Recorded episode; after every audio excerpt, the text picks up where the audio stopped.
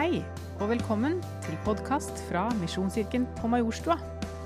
Vår visjon er håp og forvandling i Oslo gjennom Jesu kjærlighet og kraft for alle mennesker i et mangfold av levende fellesskap.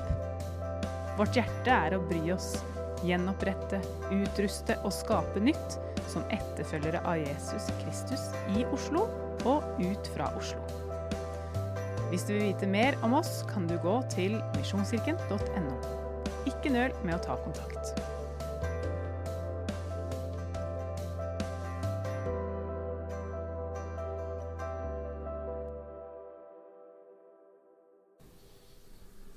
Skal jeg bare be litt for Ketil før han skal få lov til å slippe til.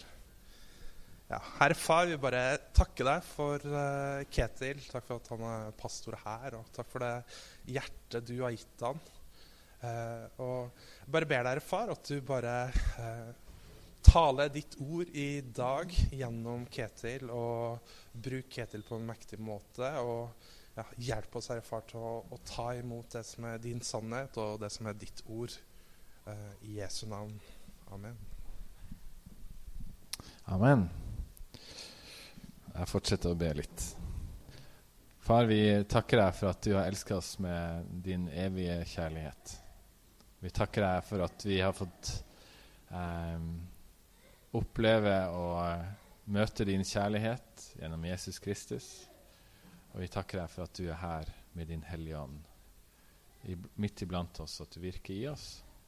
Og du har blitt vår hjelper, vår venn og vår advokat. Du er den som går med oss. Vi ber om at du skal velsigne ditt ord, og, skal, og at det fører til vekst i livet vårt. Amen. Eh, vi er jo eh, enten, du, vet, du, vet, det kanskje ikke, men vi er i en liten serie.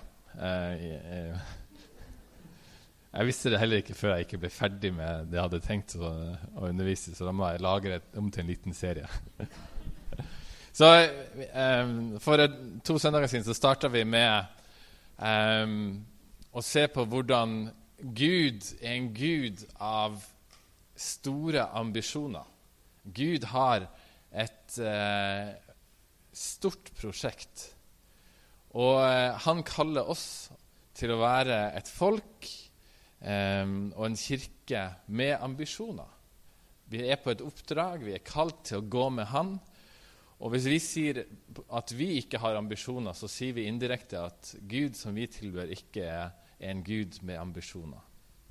Men det er ikke våre egne ambisjoner, men det er Guds ambisjoner. Det det er hellige ambisjoner. Det er ambisjoner som ikke handler om å bygge opp vår egen fortreffelighet for vår egen skyld, men å, å, gå i det kallet som Gud har for oss, for å se Hans verk um, utretta, for å se Guds rike vokse. Og um, vi sang til og med uh, sammen uh, sangen som jeg lærte hos bestemor, 'Bygge Guds rike'. Bygge Guds rike. Da oppdaga dere at jeg ikke er lovsangsleder, men eh, dere var nådige med meg og sang sammen med meg. Tusen takk for det. Eh, vi er kalt til å stå i det spennende med, med å faktisk eh, eh, leve i alt mulig som vi, eh, vi, står i i hverdagen, og så får vi lov til å oppleve at, at vi også er med og ser at Guds rike bygges og utbres gjennom våre liv. Um, og vi eh, har, har, kommet inn i um, Nehemja i, i, Bibelen for å se på hvordan Nehemja um, fikk et hjerte for Guds by og uh, opplevde at når han hørte um, nyheter fra Jerusalem, hvordan Jerusalem lå i ruiner, så ble han så grepet av den nøden som var i Jerusalem, at han eh, begynte å rope til Gud og, eh, i bønn og faste om at kan du kan du bruke meg? Kan du sende meg? Kan jeg få være med og se en forskjell? Og så uh, får han en åpen dør fra kongen som han tjener, og så reiser han tilbake til Jerusalem og uh, reiser opp en motløs gjeng som har mista motet på at uh, Jerusalem skal bygges opp igjen. Den ligger i ruiner. fiendefolket rundt har fått innpass og eh, eh, skaper frykt og motløshet i folket hele tida. Og folket har snudd seg innover og bryr seg mest om sin egen sak og ikke så mye om Guds sak. Og tenker at kanskje ikke tida er nå for å bygge Guds, eh, Guds by. Kanskje det er seinere en gang. Og jeg tror det er mange paralleller til våre egne liv. Jeg tror det er mange paralleller til hvordan vi opplever ofte å eh, slippe motløshet inn i vårt liv. Slippe løgn inn i vårt liv. Slippe usannheter inn i min egen identitet, hvem jeg er. Um, og akkurat sånn som Nehemia, som kommer inn i et um, vepsebol av fiender som ønsker å ødelegge, så er det ofte sånn man føler det i livet sitt. At man står uh, i en storm og opplever at det er så mye som prøver å stjele motet fra oss i livet vårt. Og uh, når jeg ble pastor her i, i Misjonskirka for uh, mange år siden, faktisk Um, ofte når jeg treffer nye folk, uh, og så spør de uh, hva jeg gjør, og sier jeg er pastor. Og så ja, er du ungdomspastor? nei da, da, vet jeg ikke hvor gammel jeg er, da. Men uh, nei, nei, hovedpastor. Å oh, ja. Har du vært her lenge? Ja, 13. året. Oh. Går det an, liksom? Um, men jeg husker når jeg kom inn her, så, så forkynte jeg en gang om uh, um, at vi møter motstand i livet vårt som kristne. Um, og alle mennesker opplever jo på en måte motstand i livet sitt. Og som kristne så opplever man motstand. Men, men så unnlater jeg å snakke spesifikt om åndsmakta og om det åndelige um, makter og sånn. Og da var det en eldre eldre kristen som kom til meg etterpå og sa at fint forkynt, men hva med eh, den åndelige motstanden i, i, i åndsmakter? Og Da måtte jeg jo rett og si at men det stemmer. det um, Og jeg tenkte at uh, det, i den fella må ikke gå igjen. At, at, vi må være bevisst på at vi står faktisk i en kamp mot åndsmakter. Og det er jo ikke noe som noen uh, ønsker å snakke veldig mye om, for det er så mange fallgruver i det. Men å utelate eh, gjør at vi, at vi eh, ikke er bevisst at vi faktisk står i en åndelig kamp for livet vårt, for troa vår og for, eh, for, eh, for Guds rike i byen vår.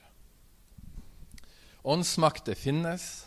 Satan og hans demoner er virksomme, selv om de allerede er overvunnet og på vei til evig dom. Um, og jeg, jeg, må ærlig innrømme jeg syns det er utfordrende bare å snakke med sånne begrep. Satan og demoner og alt det. Bor, vi lever i den tida vi lever i, der det, å liksom tro at sånt finnes, er liksom bare Hallo, ko-ko, eventyr. Hvor, hvor, kommer det fra?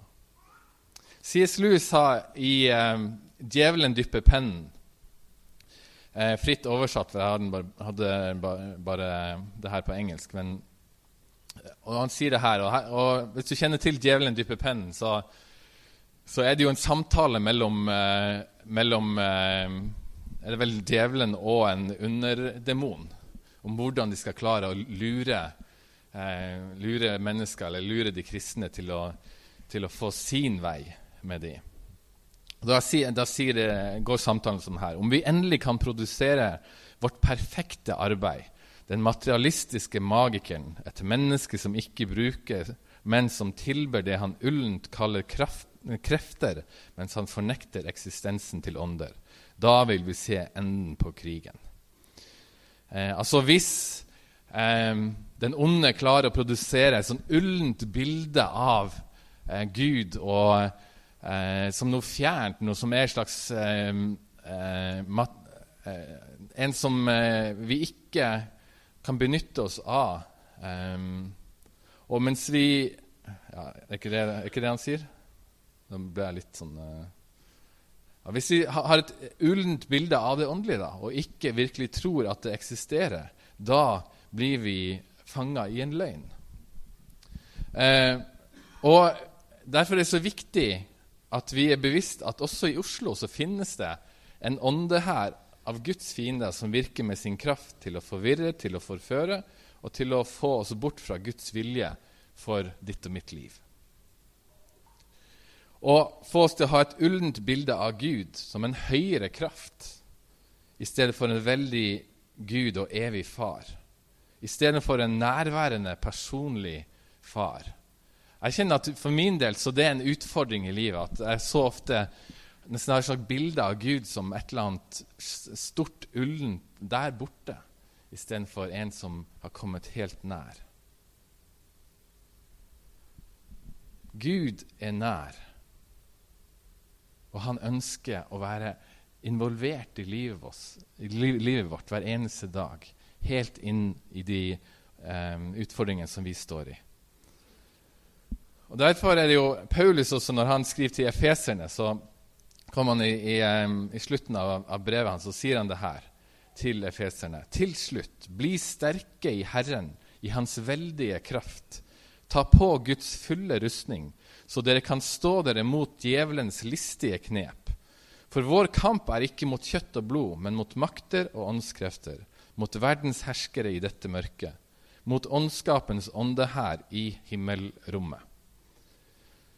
Det fins en åndsmakt, det fins en ånde her som setter seg mot alt som bygges i Guds rike, som har satt seg mot Gud, og som står imot Gud, og som i realiteten er vår fiende, og den, de vi kjemper en kamp imot. Og den onde kommer med løgn som våpen, han kommer med listige angrep. Han kommer for å ønske å få oss bort fra Guds vilje i vårt liv. Og ettersom vi vinner nytt land i vårt liv, så er det en kamp mot makta og myndigheter. Og på mange måter så, er, så, sier du her at du må ikke bli forundra hvis det oppleves som om du går inn i en kamp i livet ditt. Hvis du ønsker å se Guds vilje skje i ditt liv og i livet rundt deg.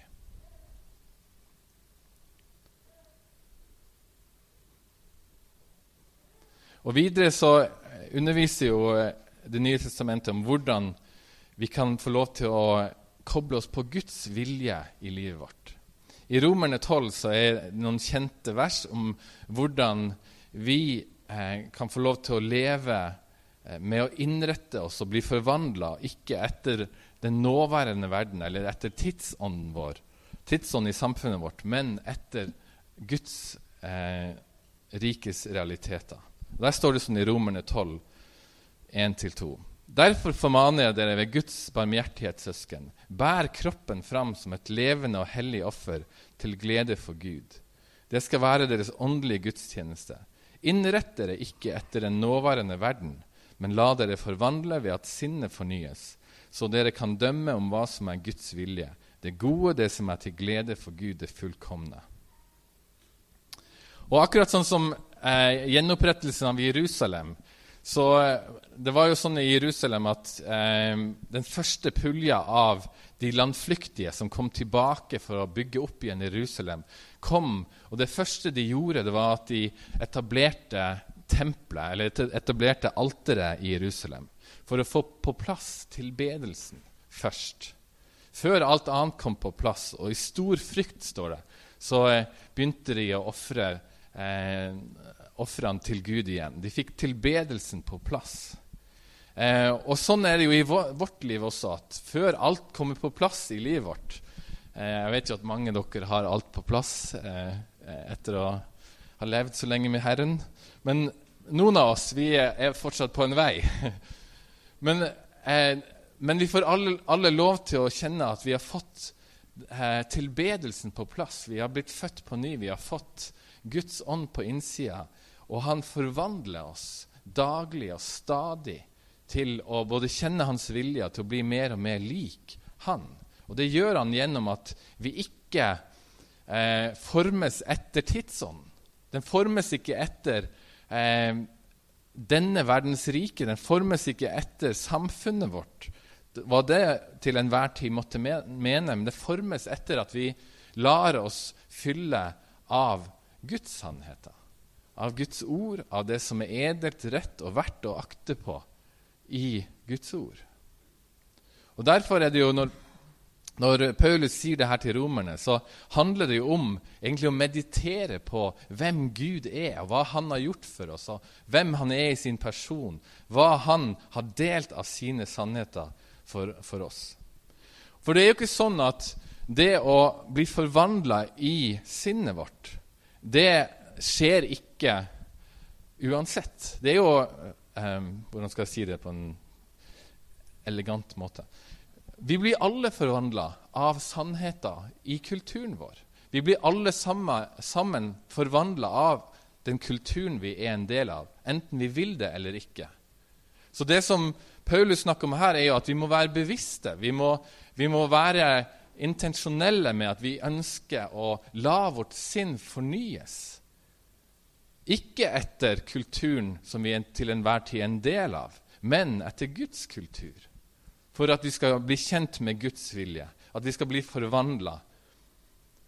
Og da krever det at vi tar med hele oss inn i det. Det er vår åndelige gudstjeneste. Vi bærer hele vår person, vår legeme, framfor Gud og lar oss forvandle av at, bli, at sinnet vårt blir fornya av stadig vekk å meditere på hvem Gud er, hva Han har gjort for oss, hvem, hvem Han er, og sannheten i Han. Og Vi lever jo i en kultur som eh, på mange vil si er stadig mer, mer sekulær. Der eh, på en måte idealet for kulturen vår er eh, det sekulære. Og eh, Min påstand er at det sekulære er en ekstremt skjør, et skjørt byggverk som ikke vil stå seg over tid. Um, og akkurat som, som Nehemja fikk oppleve, og, hadde en, og Estra som kom inn i Jerusalem for å bygge tilbedelsen først De visste at kraften eh, ligger ikke i at vi får liksom verna livet vårt med vårt eget byggverk, at vi får fiksa alt eh, som det, alt ser bra ut på utsida og alt. Men kraften vår ligger i hvem vi tilber. Kraften vår og styrken vår ligger i vår identitet som tilbedere av den sanne Gud. Det er der eh, beskyttelsen og kraften mot de ytre kreftene, det som ønsker å, å, å endre oss og forme oss etter sin egen, eh, sine egne, egne, sannheter Kraften ligger i det indre livet med Gud. Kraften ligger i at vi blir forvandla, og at vi tilber Gud som den eneste sanne Gud. For det er sånn at det, vi blir lik det vi tilber. Gud er av evig karakter. Gud er Gud er Gud om alle mann var døde, og alle land lå øde, og alle fjell lå i grus, eller hva det heter. Jeg tror Petter Dass sa det litt mer poetisk.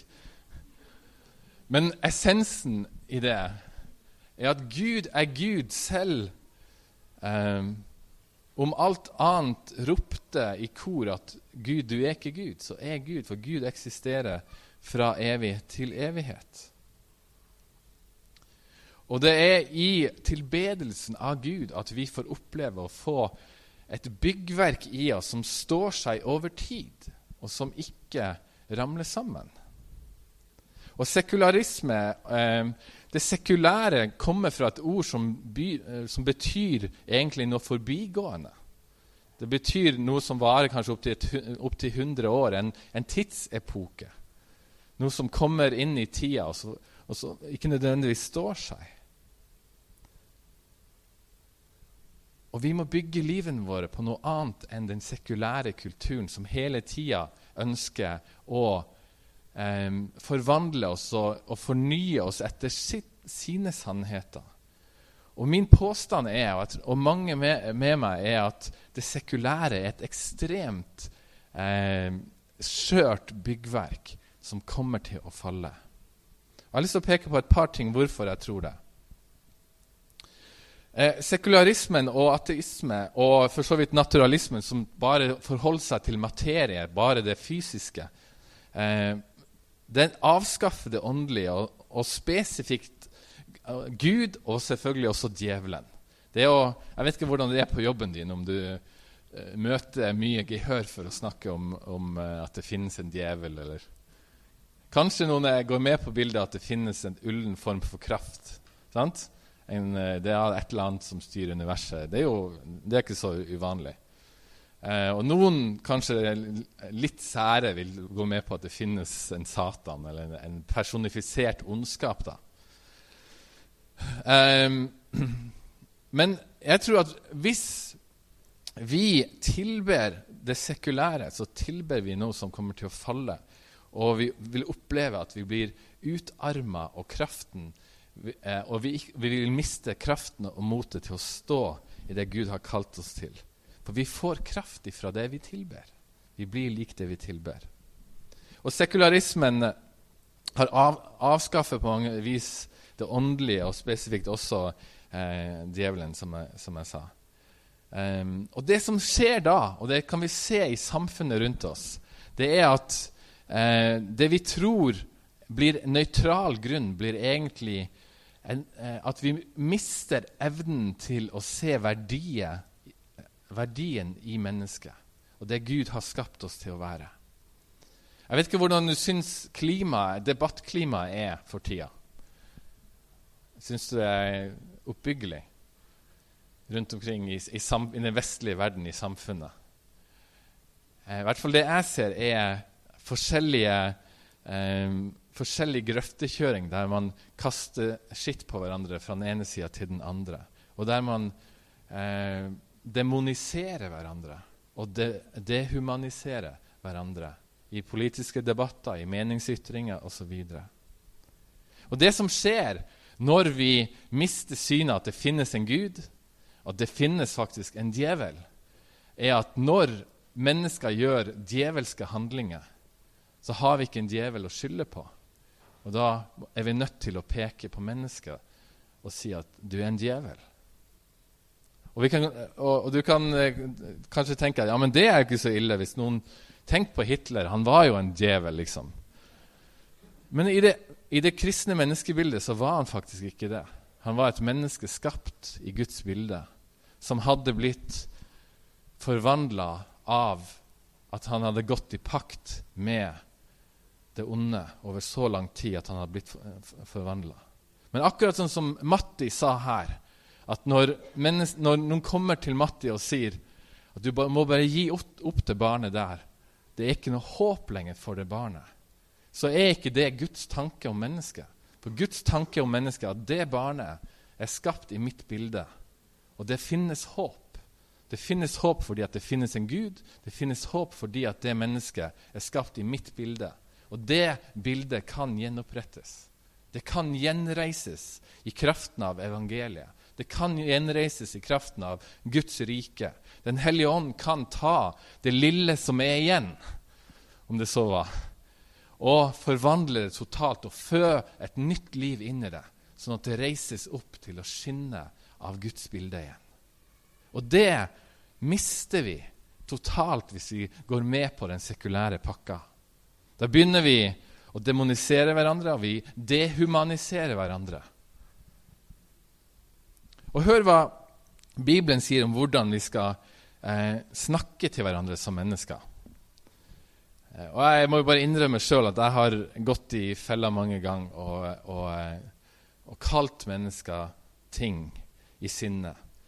Og har vi ikke alle det? Og så, og så sier, Jesus, eh, nei, sier Jakob det her om det å styre tunga si. Og så sier han om, om tunga vår, eller om munnen vår. Med den lovpriser vi vår Herre og Far, og med den forbanner vi menneskene som er skapt i Guds bilde. Med klar hentydning til at du kan ikke forbanne det som er skapt i Guds bilde. Og vi vet at Jesus var um, utrolig tydelig i bergprekenen. Kaller du noen uh, en idiot, så skal du stå for rådet, liksom. Kaller du noen for uh, noe enda verre enn det? Kaller Du Du klassifiserer mennesker som noe annet enn det Gud har kalt mennesker til å være, eller skapt mennesker til å være. Det er ikke din jobb å sette merkelapper på hva mennesker er. Ja, vi kan få lov til å løfte frem og snakke sant om og korrigere og konfrontere hva mennesker gjør, og handlinger som blir gjort. Men å miste Guds syn for mennesket er tragisk. Og den onde ønsker å få verden med på det hele tida. Du er uslig, du er elendig. Du, det nytter ikke. Det er håpløst. Du mener det. Du er sånn. Du mener det. Du må være sånn. Og så ender sekularismen opp med å bygge opp noe som ikke kan stå seg, for det er ikke bygd på Guds godhet. Det er ikke bygd på Guds sannhet, og det er ikke bygd på, på, på Guds speilbilde. Og Det er jo det som er essensen i Guds rike, at han bygger et folk som, som er gjenreist og har sin identitet i Han og sin verdi og sin menneskeverdi. At vi er skapt av Han. Det kan ingen, inget sekulært bilde gi deg. Vi kan snakke om humanisme og si at vi er alle mennesker. Vi heier jo på alt som, som med verdighet eh, løfter opp, opp, mennesker. sant? Det må vi jo gjøre. Det er jo, det er jo veldig bra. Men med en gang eh, fiendeskap kommer inn, da ser man jo virkelig hva et samfunn er bygd av.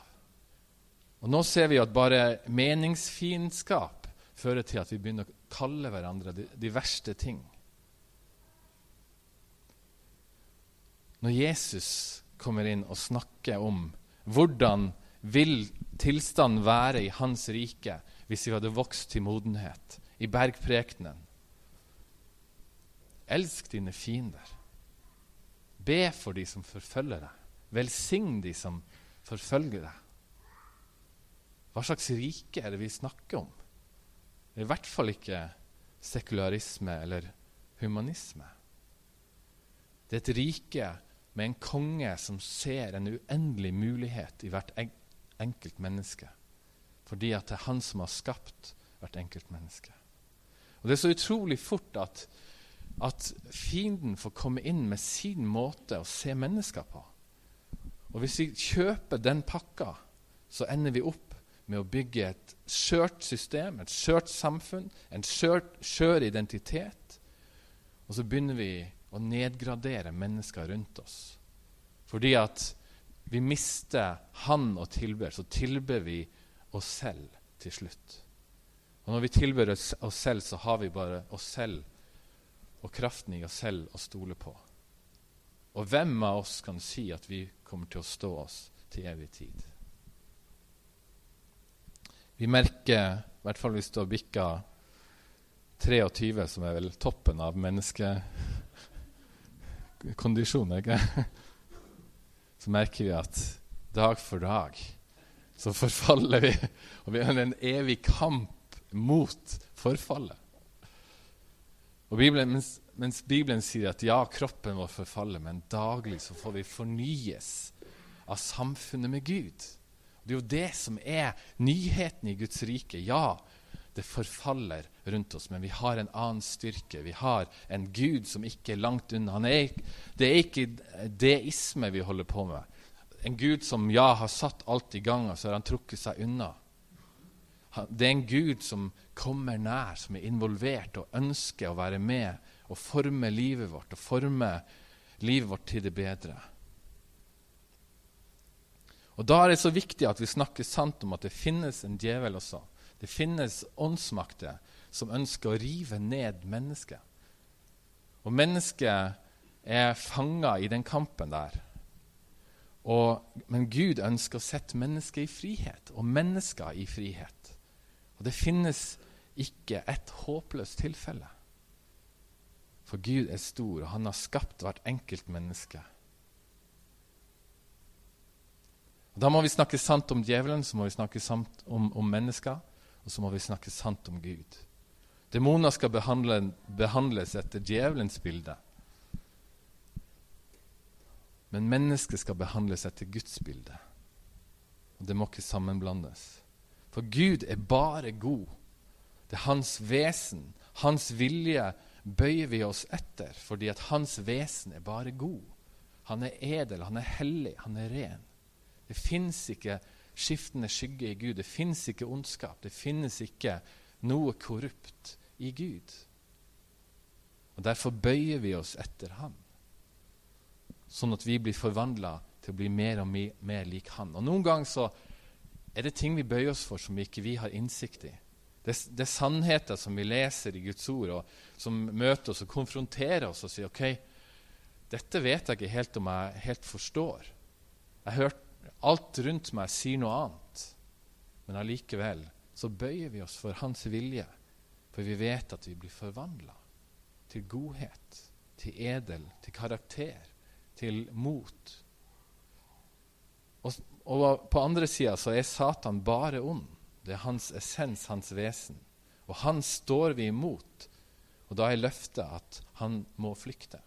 For han er ikke allmektig som Gud. Han vil uttømmes i sine forsøk. Og Derfor opplever vi, når vi står i kamp, eh, at kampen mot den onde kommer i bølger. For han, han, er ikke evig. Han har ikke all makt. Og når vi eh, bøyer oss for Gud og står djevelen imot, så må han flykte. Men det er en øvelse og en realitet som vi må være bevisst på at vi faktisk må gjøre. At vi ikke må gi etter. At vi ikke må legge oss for hans grep, men vi følger i lydighet til Gud Guds kall over livet vårt. Og så står vi den onde imot. Så står vi han imot til han må flykte.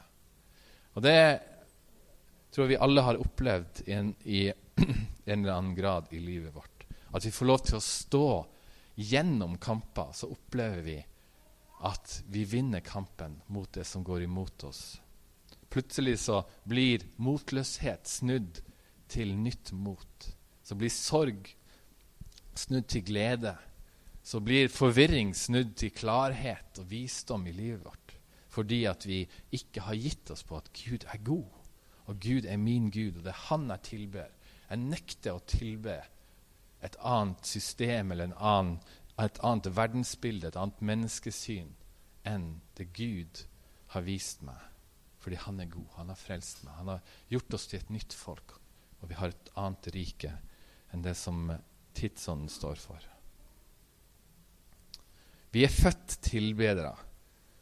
Og enten vi tilber Gud eller ikke, så må vi tilbe et eller annet. Og mitt gode, jeg tror det er et godt råd til oss alle sammen, at vi må kaste oss på å tilbe Han som har all makt og tydelighet og visdom og rikhet for oss.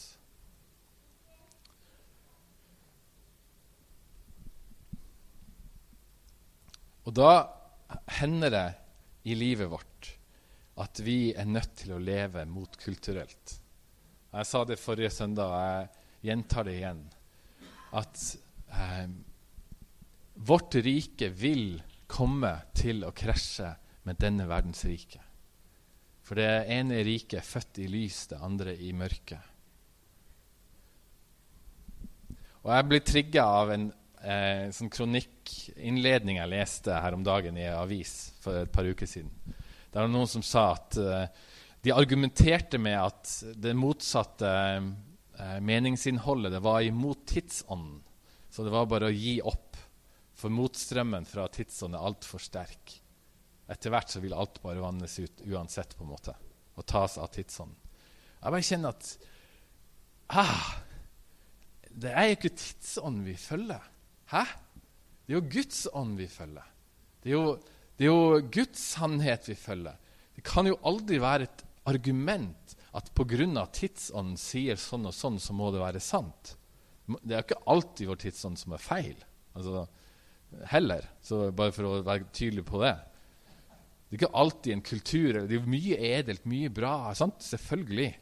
Men det er jo ikke sånn at fordi at tidsånd, at det sekulære, det forbigående, det moderne, det som er nå, sier sånn, så er det sant. Sannhet hviler jo ikke på det som er mest populært, eller det som høres best ut i øret vårt.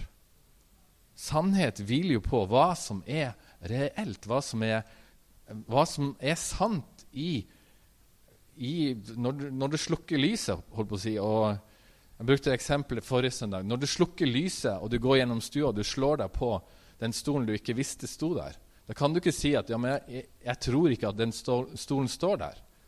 Du, det gjør vondt i tåa di. Derfor vet du at det er sant. Stolen står der, selv om alle andre sier at den ikke står der.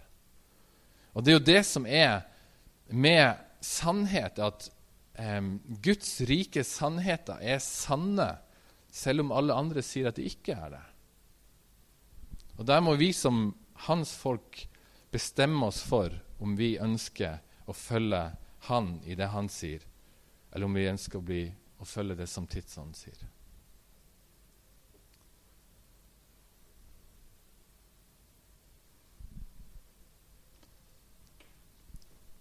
Og det du bygger i Guds kraft, det ønsker djevelen å ødelegge. Og I Isaiah 58, 12, så, så står det sånn og Vi opplever at Gud har talt til oss at vi skal få være en menighet som er med å gjenopprette og bygge opp igjen det som er lagt i ruiner. Dine gamle ruiner skal bygges opp igjen. Du skal gjenreise grunnmurer fra eldgamle slekter. Du skal kalles den som murer igjen revner. Den som setter i stand veier så folk kan bo der. Og det er oppdraget vårt som Guds folk. At vi får lov til å komme med et annet rike som gjenreiser det Gud har kalt mennesket til å være. Som gjenreiser samfunnet til det Gud har kalt samfunnet til å være. Og i det så kommer vi alle til å møte motstand. Og vi må være bevisste at det som møtes oss av motstand, det er noe som vil falle etter hvert hvis vi står det imot i Guds kraft. Jeg kommer ikke lenger i dag heller. Yes. Litt for mange ord, Ketil.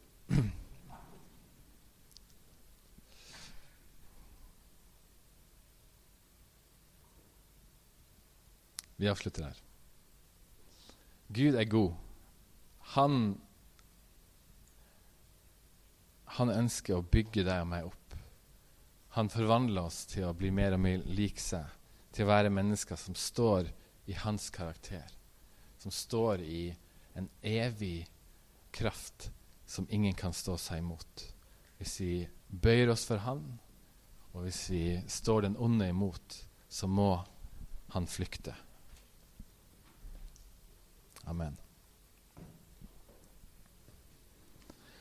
Far, jeg takker og priser deg for at du har et annet rike, som et rike som aldri vil bukke under, som aldri vil eh, falle i møte med den onde.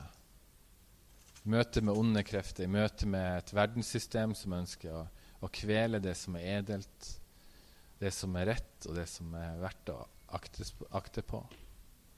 Et verdenssystem som ønsker å avskaffe kunnskapen om deg, Gud, um, om at det finnes krefter som ønsker å ødelegge.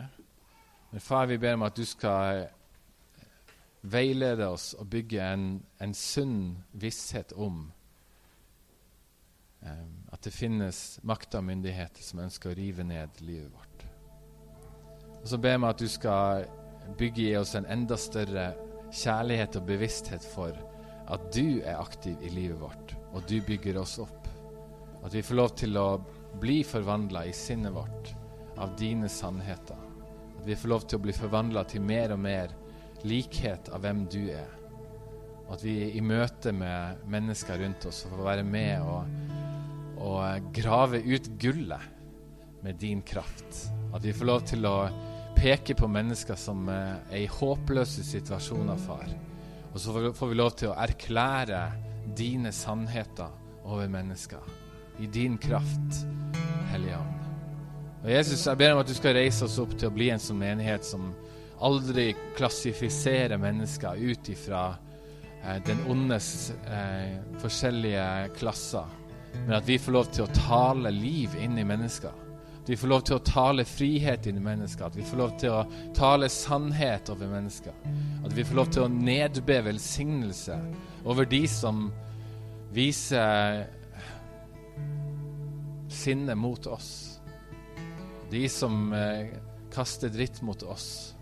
Får vi lov til å nedbe velsignelse over. Jesus, vi takker deg for at du er en sånn uendelig nådig Gud, som ser inn i det innerste, og som ser at du har skapt den enkelte. Og du har skapt den enkelte til å leve et oppreist liv som et bilde på hvem du er, Gud. Og vi ber om at du skal lede oss inn i det. Og hjelpe oss å se der vi er fanga av denne verdens visdom istedenfor din visdom. Så vi kan snu oss og, og vende oss til deg. Det ber jeg om, far. Vi bare priser og takker deg, Gud, at du er så god, at du er så nær, at du er så aktiv. At du er en som uh, ikke trekker deg unna eller snur ansiktet ditt bort fra det som er skittent og, eh, og kjipt, men du er en som snur deg mot og kommer til og bøyer deg ned og går ned på knærne og, og betjener mennesker. Vi takker deg, Hellige Ånd, at du berører den enkeltes indre hjerte.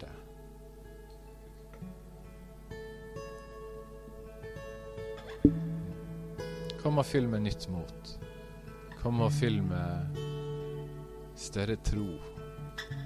Kom og fyll med større glede og frihet, barmhjertighet. Kom med mer mot, far. Vi takker at vi kan be til deg, at vi kan påkalle ditt navn. Og så gir du respons.